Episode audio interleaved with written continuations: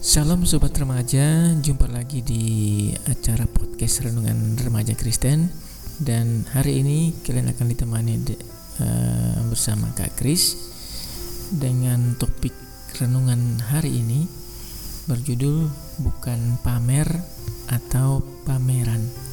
Dan bahan bacaan Alkitab kita hari ini terambil dari pertama Tesalonika pasal 4 ayat 1 sampai dengan 8 kita akan membacanya secara bersama adik-adik di sana dan Kak Kris di sini membacakannya untuk kita semua. Pertama Tesalonika pasal 4 ayat 1 sampai dengan 8 di bawah judul nasihat supaya hidup kudus. Ayat 1 Akhirnya saudara-saudara kami minta dan nasihatkan kamu dalam Tuhan Yesus. Kamu telah mendengar dari kami bagaimana kamu harus hidup supaya berkenan kepada Allah Hal itu memang telah kamu turuti, tetapi baiklah kamu melakukannya lebih sungguh-sungguh lagi. Ayat yang kedua, kamu tahu juga petunjuk-petunjuk mana yang telah kami berikan kepadamu atas nama Tuhan Yesus.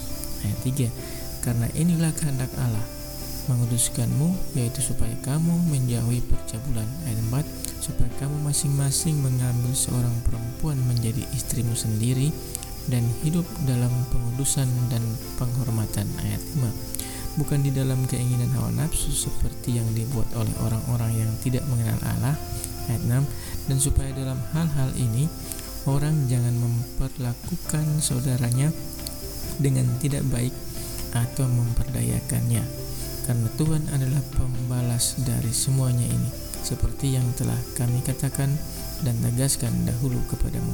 Ayat yang ketujuh, Allah memanggil kita bukan untuk melakukan apa yang cemar, melainkan apa yang kudus.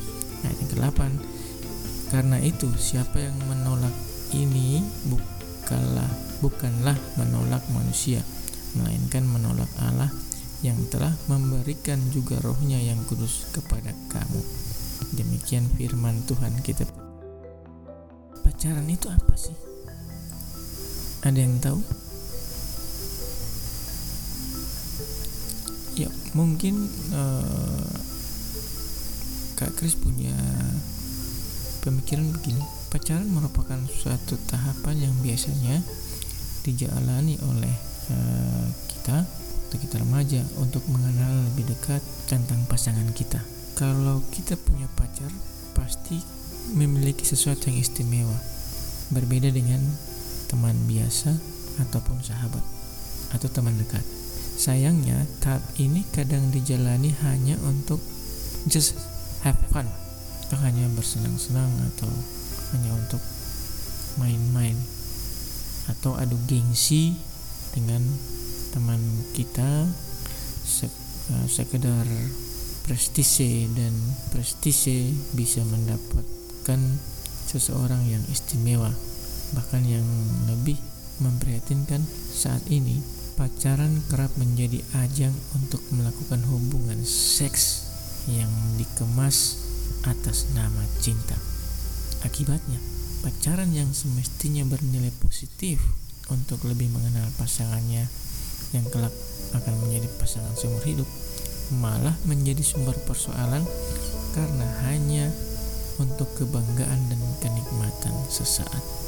Pada perikop ini Paulus memuji jemaat di Tesalonika yang sudah menuruti nasihatnya untuk hidup berkenan kepada Allah.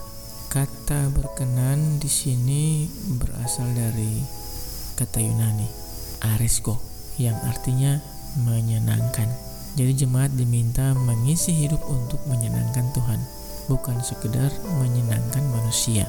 Untuk itulah Rasul Paulus memberi nasihat dengan menekankan pentingnya menjaga kekudusan dan mengendalikan hawa nafsu agar mereka dapat lebih lagi mengasihi Allah.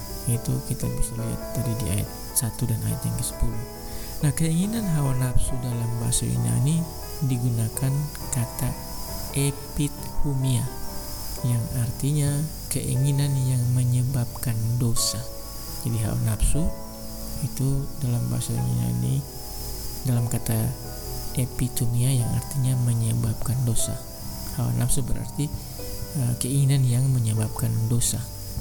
Nah, kata ini memiliki arti yang lebih luas dari sekedar tindakan seksual, tetapi juga berarti punya pandangan-pandangan yang merendahkan orang lain, khususnya pria dan wanita, yang didasari pada ketidakmampuan mengendalikan hawa nafsu. Karenanya, apa yang ditekankan oleh Paulus di sini bukanlah melulu pada perilaku seksual, namun ia menekankan pentingnya menjaga kekudusan pikiran dan hati serta pengendalian hawa nafsu karena dari ketidakmampuan mengendalikan hawa nafsu itulah muncul tindakan-tindakan ataupun perkataan-perkataan yang merusak kekudusan.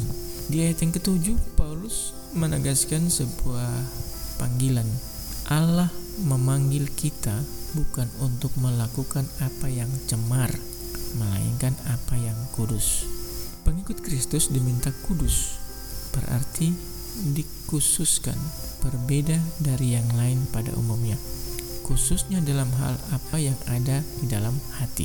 Cara berpikir dan hidup pengikut Kristus harus berbeda dari orang-orang lain pada umumnya. Nah, apa saja yang diperlukan? Yang pertama, jauhi percabulan. Di ayat yang ketiga bacaan kita tadi. Kata percabulan dalam bahasa Yunani digunakan kata porneia yang berarti perbuatan zina atau persetubuhan di luar nikah. Di Tesalonika ada begitu banyak kuil penyembahan dewa dewi Yunani. Salah satunya yaitu Kabirus, dewa pelindung kota Tesalonika juga Dionysius dan Aphrodite. Ibadahnya kerap diisi dengan pelacuran, yaitu ibadah diiringi pesta seks liar dan minuman-minuman keras. Kumpul kebo dan prostitusi menjadi sesuatu yang umum di Tesalonika dan tidak dianggap sebagai dosa. Bahkan ada pandangan yang mengatakan orang bisa memanfaatkan jasa pria atau wanita untuk memuaskan segala nafsu mereka dan para tabib menyarankan agar nafsu seperti itu jangan ditahan-tahan. Di tengah situasi kota yang seperti itu, Paulus mengingatkan supaya jemaat hidup kudus agar berkenan atau menyenangkan Tuhan, yaitu dengan hidup tidak seperti yang lain dan menjauhi percabulan. Yang kedua, menjaga kesetiaan. Kita dapat baca di ayat 4 dan yang kelima dari bacaan kita. Dalam bagian ini ada nasihat untuk menikah dengan satu orang istri dan tentu juga dengan satu suami untuk menegaskan soal kesetiaan kepada pasangan. Selain itu, kesetiaan itu juga ditunjukkan dengan menjaga diri supaya tidak cemar oleh rupa-rupa percabulan tadi. Di tengah situasi kota yang menghalalkan percabulan dan tidak menganggapnya sebagai dosa, Paulus mengingatkan jemaat untuk setia pada pasangan dan mengendalikan hawa nafsu. Dan hal yang ketiga yang diperlukan itu adalah jangan memperdaya orang lain. Kita baca kita bisa baca di ayat yang ke-6 tadi dalam bacaan kita. Paulus juga mengatakan agar pengikut Kristus di Tesalonika tidak memperdaya orang lain. Saat pemenuhan hawa nafsu menjadi hal yang utama, maka kepentingan dirilah yang paling menonjol. Manusia lain hanya menjadi objek. Relasi yang terbangun akhirnya adalah I it, bukan I you. Kalau dalam menjalin relasi dengan orang lain, termasuk dengan yang dekat, seseorang memerlukan orang tersebut seperti objek yang bisa diperdaya berarti orang itu sedang mementingkan diri sendiri atau egois. Bahkan dengan keras Rasul Paulus mengatakan bahwa barang siapa yang menolak ajaran ini bukanlah menolak manusia, tetapi menolak Allah yang telah memberikan rohnya yang kudus. Jelas pementingan diri sendiri berarti menjauhkan diri dari kasih Allah yang kudus itu.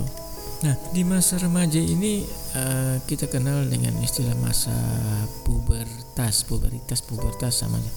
Salah satunya diisi dengan ketertarikan kepada lawan jenis. Kita akan merasa kita tertarik dengan lawan jenis. Karena ketertarikan itu pada gilirannya membuat sobat remaja memiliki keinginan untuk punya teman istimewa atau ya pacar itu pacaran pacaran remaja Kristen haruslah menjadi tahapan untuk saling mengenal, saling membangun, saling mendukung, bukan sebaliknya. Apalagi hanya sekedar untuk pamer sudah mendapatkan yang istimewa. Sobat remaja harus bijak memutuskan untuk melangkah dalam berpacaran dan menjaga diri untuk tetap hidup kudus, setia, serta menjadikan pacar bukan sebagai objek untuk kebanggaan diri atau memuaskan hasrat kepentingan sesaat. Oke, sobat remaja, sampai di sini dulu dengan kita hari ini. Sampai jumpa, selamat merenung. Shalom.